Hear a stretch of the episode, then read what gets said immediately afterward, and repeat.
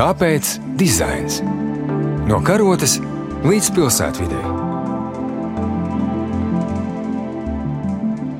Kā izvēlētā vizuālā valoda var mainīt mūsu līdzšinējo izpratni vai domas par jau iepazītām tēmām? Ar šādu skatu raidījumā, kāpēc dizains šoreiz runāsim par jau izvērtēto izrādi Dēlas teātrī, kur pazuda valsts un ekspozīciju pretrunas. Tajās ar dažādiem līdzekļiem tiek meklētas atbildes par neviennozīmīgi vērtēto pēdējo Latvijas valsts prezidentu pirms mūsu valsts okupācijas Kārlu Umani.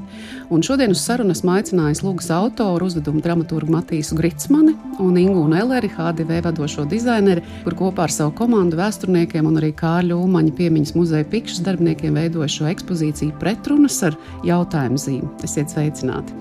Mūsu sarunā esam izvēlējušies uzrunas formu tu, jo esam jau nedaudz pazīstami pazīstama un gribētu sākt mūsu sarunu ar to, ka Uzvedums ir tapis iedvesmojoties no divām dramaturgu un arī mākslinieka Raimonda Staprāna lugām, kuras mēs esam kādreiz jau iepazinuši. Savukārt ekspozīcijas ideja ir aizsākusies jau pirms četriem gadiem. Tomēr ļoti likumsakrīgi, ka šīs abas ieceres ir realizējušās praktiski tagad ar šiem saviem veistījumiem, un sabiedrība sasniedz tikai tagad. Un šis laiks ir, kad valsts vadītāja lomu un līdera nozīme ir ārkārtīgi izšķiroša pasaulē, kam mēs esam visi pēdējā gada laikā īpaši liecinieki. Un arī redzam, ka atkarībā no tā, kādus līderus pieņem lēmumus, cilvēki arī viņus, protams, tā vērtē. Cik varbūt jums abiem svarīgi ir, ka jūsu iecerētais ir realizējies tieši šādā laikā? Mēs ļoti apzināti mērķējām uz šo laiku. Sākām strādāt pie šī iestudējuma pagājušā gada februāra beigās, martā, kad jau notika viss tas, kas notiek Ukrajinā. Sākās karš. Un mēs jau bijām dailē iecerējuši veidot vienu uzvedumu, kurš runātu par Latvijas sarežģīto vēsturi. Tad uh, viņš dažādos veidos transformējās, un tā sākotnējā iecerē bija patiesībā veidot tieši par okupācijas faktu, nevis par Kārlu Lūmanu. Bet sakarā ar to, ka māksliniekam Raimondam Staprānam tuvojās simtgadi, un viņa divas lugas, četras dienas jūnijā un Gūsteknes pilī, ir daļa no Tailas kanona. Ļoti svarīgi iestudējumi, kurus veidoja Kārlis Auškāps, bijušais mākslinieckais vadītājs Dēls teātra. Tad mēs gribējām kaut kā apvienot to visu vienā lielā notikumā, un es esmu ļoti priecīgs, ka tas ir izdevies, bet mūsu uzsvers tiešām bija uz to arī man kā dramaturgam un kā autoram ka es gribēju runāt tieši par okupācijas faktu vairāk nekā par Kārlu Ulmanu. Kārļa Ulmaņa piemiņas muzejs Pikšs, kas vispār jau ir veltīts šai personībai. Tas, ka šis darbs tiek pabeigts šogad, nu, tā ir sakritība, bet, manuprāt, šī tēma personības loma, jebkurā laikā, ne tikai agrāk, vēsturiski, bet arī šobrīd vienmēr ir ļoti svarīgs jautājums un vienmēr ir ļoti veselīgi paskatīties uz to kritiski un nojaukt mītus, veicināt diskusiju diskusijas par personības nozīmi, un ir jauki un labi, ka ir sakritis, kad ir gan luga, gan ekspozīcija tieši šobrīd. Nu, lūk, Inga, un tu jau iezīmēji, proti, par jūsu šo abu izvēlēto vizuālo valodu, kas nāk līdzi nenoliedzami gan no teātras skatuves, gan, protams, ekspozīcijā, ne tikai informācija, ko mēs saņemam, bet ko mēs vizuāli uztveram. Jo, manuprāt, šis uzdevums ir ārkārtīgi grūts pasniegt vēl vienu redzējumu par valsts vīru, par kuru cilvēkiem ir izveidojusies ļoti spēcīga izpratne vai viņa konkrētais pieņēmums par to, kas Kārls Ulmans Latvijā ir bijis un cik nozīmīgs viņš ir bijis, kuros jautājumos Ko jūs uzskatījāt par svarīgāko pievienot šo cilvēku uzskatiem? Es pat nelietoju vārdu mainīt šobrīd. Varbūt jūs tā to redzat. Mūsu gadījumā formu veido saturs, un saturs nosaka šo formu. Un, kad mēs sākām savu darbu, bija vēsturnieks Kaspars Zēlis jau sarakstījis tādu satura skeletu, kuru lasot un pētot, protams, skatoties daudzās lekcijas, kas ir par Kāļu Ulmaņu personību. Tieši šajā te saturā es atradu šos te divus skatpunktus, kur eh, Kaspars Zēlis pieminēja versiju viens, versiju divi, un tā bija vairākas reizes. No tā arī cēlās šīs te skices kurus mēs veidojam sākumā, un šo ekspozīcijas dizaina stratēģiju un pēc tam dizaina koncepciju, kā rādīt šo daudzšķautņaino personību, neviennozīmīgo. Un līdz ar to šī formu valoda izriet no satura. Tā nebūs simetrija, tas nebūs kaut kas tāds viengabalains, apaļš, tas būs šķautņains ar leņķiem daudziem, neviennozīmīgi nolasāms. Šis saturs tad arī izveidoja to, kāda šī ekspozīcija ir šobrīd, dotajos 94 kvadrātmetros darboties dotajā telpā ar tiem līdzekļiem, kurus mēs izvēlējāmies, lai piepildītu šo te telpu ar šo te vēstījumu, jo telpa jau savā ziņā atspoguļo šo te mūsu vizualizāciju par šo te personību. Viņa ir tumša, tur ir gan baltā, gan melnā krāsa, šie te divi galējie kontrasti, kā bieži vien tiek runāts par ulmani, un klāt ir vēl sarkanā krāsa. Nav jau tikai melns un balts, un arī apmeklētājiem mēs nesakām, ir tā, ir fakti ekspozīcijā un dati, bet apmeklētājs pats tiek aicināts veidot savu viedokli, formulēt savu viedokli, kritiski paskatoties un tad domāt līdzi, jo tas, man liekas, ir tas svarīgākais šim laikam, kad katram pašam izdomāt šo domu, jo katram mums ir sava pieredze, sava izglītība, savas attiecības ar vēsturi.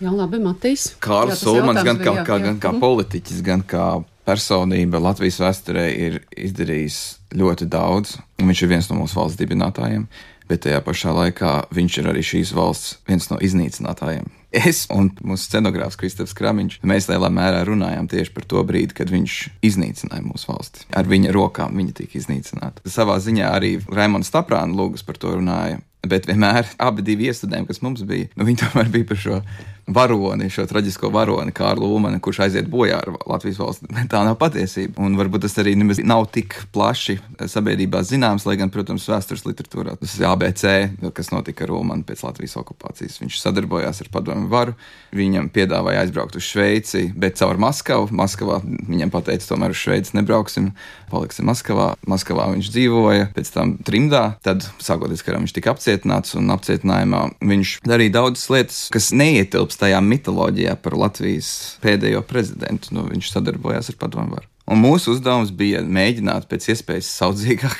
šo stāstu aiznest līdz skatītājiem. Un Kristofers, kad viņš izlasīja kaut kādus pirmos uzmetumus lugai, un viņš atgādināja šo pirmizrādē, ka viņš izlasīja, viņš teica, es nesapratu pilnīgi neko. Bet kaut kas tajā tekstā bija, kas man ļoti uzrunāja. Mm. Un es viņu saprotu, jo ļoti grūti runāt par to, ko mēs visu laiku cenšamies neredzēt. Ka, tāpēc ir tas saudzīgums. Jā, jā un, mhm. protams, jā, jā. ir vajadzīgs. Bet, Matīs, ar jā. kādiem līdzekļiem tas tiek mēģināts parādīt? Jo nu, es izrādu vēl neesmu redzējis, bet gatavojos. Tātad man jau plānā tas ir ielikts, un tas, ar kādiem materiāliem tu padalījies ar nelielām epizodēm no šīs izrādes, piemēram, mēs redzam parketu, mēs redzam kartona kastes, mēs redzam dokumentu kaudzes, it kā tāda oficiāla dzīve, un tad pēkšņi rūmanis pidžamā mājas tērpā čībās, un tad ir vēl tāds balti dzeltens salsargs, nu tādā izmērā, ko mēs redzam pludmalē. Tātad, kas ir tie līdzekļi, ar kuriem jūs būvējat šo pēc iespējas saudzīgo stāstu, kuru mēs izliekamies, ka mēs neredzam, bet kuru jūs gribat, lai mēs ieraugam? Tā es saprotu. Jā, es pieļauju, ka tas princips ir ļoti līdzīgs kā arī ekspozīcija veidojot, un tas ir skatītāja imersija. Ja? Tā, mēs mēģinām iesaistīt iekšā tā stāsta veidošanā, un tāpēc tas mūsu atskaites punkts ir patiesībā mūžīgā tagadne. Nu, mēs sākam no šitā momenta tieši te, kurā mēs atrodamies. Un, um, tas ir mūsdienu cilvēks, kas stāsta to stāstu. Tas ir uh, Kārļa Jomaņa vārda brālis, Kārls Umanis mūsdienās, un mēs sākam no viņa, kā no viņa perspektīvas izskatās stāsts par Latvijas pēdējo prezidentu, kurš jau pēc tam ir viņa vārdu brālis, kuram par godu viņš ir nosaukts, kurš atdeva Latvijas valsti bez pretošanās. Skatoties no viņa perspektīvas, tas stāsts ir ļoti sūrs. No otras puses, viņš arī ir ļoti aizkustinošs. Jūs redzējāt arī to fragment, ko Imants Strats, kurš atveido vēsturisko Kārlu Manu, viņš ir ielicis ļoti lielu tādu emocionālu izpratni par sevi, un tas arī ir viens no tiem instrumentiem, kas mums ir pieejams tā ir aktieru emocionālā pasaule. Un, un tas, kā viņš izspēlē Ulmani, kā cilvēku visā tajā emociju amplitūdā, ko viņš varēja tā viena gada laikā piedzīvot, tas ir tas moments vēlmē cīnīties, tas moments vēlmē vienkārši padoties. Es, nē, man jau sen bija jābūt pensijā, pamest rokas pa gaisu, gan tas uh, brīnišķīgais skats pidžamā, kur mēs iedavām Ulmanim grēksūdas iespēju Tas viss runā, nu, tie ir vizuālie kodi, ar kuriem mēs varam strādāt. Bet runājot par telpu, nu, tā telpa ir pamatā arhīvs. Tas ir tas, kas glabā šo stāstu. Un, tās ir kā tās jā, kastes un skati. Jā, viņa, tur... jā, jā, diezgan skaidra arhīvs telpa ir neregulāra. Viņa mazliet tajā video ierakstā atstāja tādu regulāru iespēju, bet viņa patiesībā tas parkets ir uztaisīts tā, ka, ja tu uzkāp uz viņu, tu nesaproti, kur tu atrodies, jo nav pareizi leņķu, un viss ir izskatās mm. mazliet dīvaini. Un, un tā diagonālā siena aizmugurē, kur sākumā tiek atvērta, viņa arī visu laiku rada tādu ļoti lielu trauksmi, tādu ka kaut kas ir nepareizi. Jūs zināt, ir tie šķībie uh -huh, kadri, uh -huh, uh -huh. ko sauc par uh, Dutch angle, uh, holandiešu lēņķi. Uh -huh. Un tev dabīgi gribās, gribās pagriezt. Jā, gribās tā kā pagriezt, uh -huh. un tas pagriešanas process ir saprast, iedziļināties uh -huh. tajā stāstā. Es tādā ziņā esmu ļoti priecīgs, ka Kristaps kā ļoti jauns cilvēks, viņš ir uh, interesants darbs taisījis arī starp citu par nacionāliem jautājumiem. Garlība Merķeļa latviešu viņš taisīja Nacionālajā teātrī, un tagad viņam bija vēl viena tāda iespēja izmantot visu savu talantu, lai runātu par kaut ko tādu, ko visiem ir viedoklis. Viņš to telpu, var sakot, arī transformēja. Mūsu pirmajā cēlienā tas ir arhīvs, tad jau pēc Latvijas okupācijas Latvijas arhīvā vairāk nekas neglabājās. Nu, tas viss eh, tika aizvests projām. Un tas, ko mēs zinām par Ulmaņa dzīvi pēc Latvijas okupācijas, atrodas Maskavā. Tie ir tie arhīvi, ko vēsturnieks Induls Ronis 91. gadā atklāja. Tāpēc arī mēs esam visu to telpu nomainījuši. Tā ir tā postpadomju telpa, par kuru mēs nevaram īsti runāt tikai faktoloģiski daudzām, daudzām ģimenēm, arī mūsu ģimenēm, visiem, kas bija iesaistīti izrādes tapšanā. Tā ir emocionāli sāpīga vieta, jo nu, mēs esam posttotalitāra sabiedrība. Mēs vēl tikai mācāmies sarunāties par šīm tēmām. Un arī par šīm sajūtām izšķirošā brīdī runā arī aktieris Lugāns, tāpēc paklausīsimies. Viens šāviens iznīcinātu visu, ko esmu latviešu tautai devis. Un tev uzskatīs par svēto mocekli. Man taču nepaiet ne diena, kad es nedomāju, ko es būtu varējis izdarīt citādi. Domāt, mēs mākam visi, bet tu esi vadonis. Rīkojies kā vadonis. Es jau rīkojos. Es palieku savā vietā. Jā, lūk, tas neliels fragments no izrādes, bet Ingūna, ja mēs vēlreiz atgriežamies tieši pie ekspozīcijas, tad tu jau minēji šos kontrastējošos izteiksmes izvēlētos līdzekļus, lai mums arī zināmā mērā domās varbūt vestu pat dažādiem līkumotiem ceļiem, nevis, ka mums viss ir pareizi, un šī pati vieta un ar ekspozīcijas forma ļoti kontrastē, jo te gandrīz no katra loga mēs redzam līdzenos zemgales laukus, kur viss ir ļoti līdzens, mierīgs, un ieejot šajā ekspozīcijā, mēs mēs pēkšņi redzam, ka viss ir līkumains ar asiem stūriem, ir slēptais vārds pretrunas, ja kurā mēs arī varam dažādā veidā lasīt. Un pat ienākot priekštelpā, tur ir šī ulmaņa kādreiz veidotais portrets no mozaīkas, kas šķiet pilnīgi cits laikmets. Tas nav nekas aizvainojošs, bet vienkārši šis ulmaņa portrets mozaīkā izskatās no cita laikmeta. Un ejot šajā ekspozīcijā, mēs gribam redzēt kaut ko citu pat iespējams. Princips, eh, kas tiek izmantots ekspozīcijā, ir anamorfoze. Tas ir divās vietās. Eh, gan izrādē, gan ekspozīcijā apmeklētājs pats ir aktīvs domātājs. Mums telpā apmeklētājs ir tas, kuram ir pašam jāatklāj. Viņam ir jāatrod tas savs skatpunkts gan uz ulmani, gan uz eh, šiem notikumiem. Un tāpēc mēs izmantojām šo tiešām ļoti senu tādu projekcijas metodi, kas saucās anamorfoze, kad uh, lietas, kas tev liekas, nav viņām nekāda sakara un jēgas, vienā brīdī viņas atrodot īsto skatu punktu, viss nostājās savās vietās. Atklājas, atklājas jā, mhm. un tu ieraugi vai nu šo vārdu pretrunas ar jautājumu zīmi, vai arī otrs šis slēptais anamorfozes punkts, kad šīs sarkanās detaļas pēkšņi sastājās Latvijas kontūras formā. Mm -hmm. Un uh, cilvēks ir vidū starp šiem elementiem. Mēs visi esam tajā iekšā no tāda idejas atrašanas viedokļa mūsu dizaina komandai mēs kopā ar Mārtiņu Vītomu un kolēģi izveidojām 13 skices. Jo mēs no sākuma izveidojām pirmo, otro, trešo, kas bija kā parasti kā veido, bet tad mums pašiem likās, ka mums vēl ir ko teikt. Mēs varam uztaisīt 4, 5, 6 variantu. Kad mēs runājam ar muzeju, mums sarunās, skatoties šos variantus, vēl radās idejas par 7, 8, 9. Un tad, kad mēs apspriedām šo 9 variantu, tad mums radās vēl 10, 11, un 12 un 13 variants tas mūsu profesionālais stāsts, kā vislabāk uh, ekspozīcijas telpa ar visiem šiem mēdījiem, ar skaņu, gaismu, formu, tektoniku, kompozīciju, var atklāt šo stāstu par Ulmani. Jo šī sarežģīta tēma, viņa nērta tēma, un, un šie pirmie trīs varianti parasti ir klišejiski. Es esmu priecīga, ka mums bija 13. skice. Un kā Ļūmaņa piemiņas muzeja pikšas vadītāja Ilga Čipsne izstādes atklāšanā norādīja tieši šīm pretrunām, tāpēc arī viņas, man liekas, teiktais ir būtiski, lai to dzird klausītāji. Viņš bija tas, kas dibināja demokrātisku valsti, un viņš bija tas, kas vadīja apvērsumu un šo demokrātiju sagrāva.